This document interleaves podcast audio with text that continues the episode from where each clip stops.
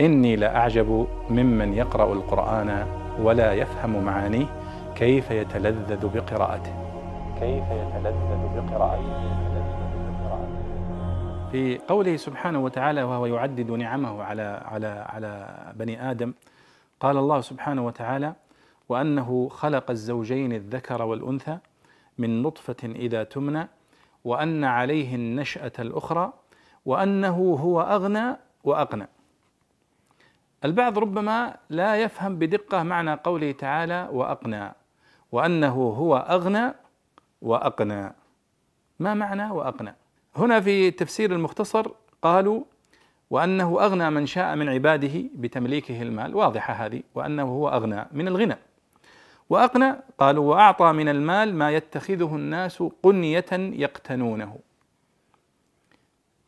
قنية يقتنونها يعني يدخرونها. يعني مثلا آه، أن يتخذ الإنسان لنفسه مثلا غنما.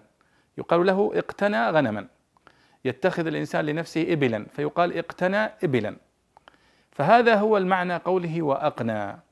وبعض المفسرين يقول وأنه هو أغنى. وأقنى يعني وأرضى بما أعطى. فجعلوا الرضا هو في حد ذاته من غاية العطاء. أن يعطيك الله سبحانه وتعالى ويغنيك ثم يرضيك بما أعطاك. فلا شك أن هذا من أعظم النعم.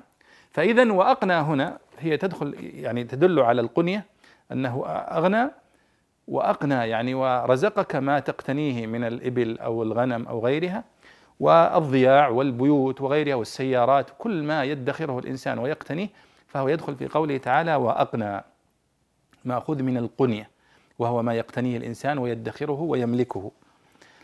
وأيضا أعطاك وأرضاك بما رزقك. فأيضا هذا معنى من المعاني التي ذكرها المفسرون لقوله وأنه هو أغنى وأقنى.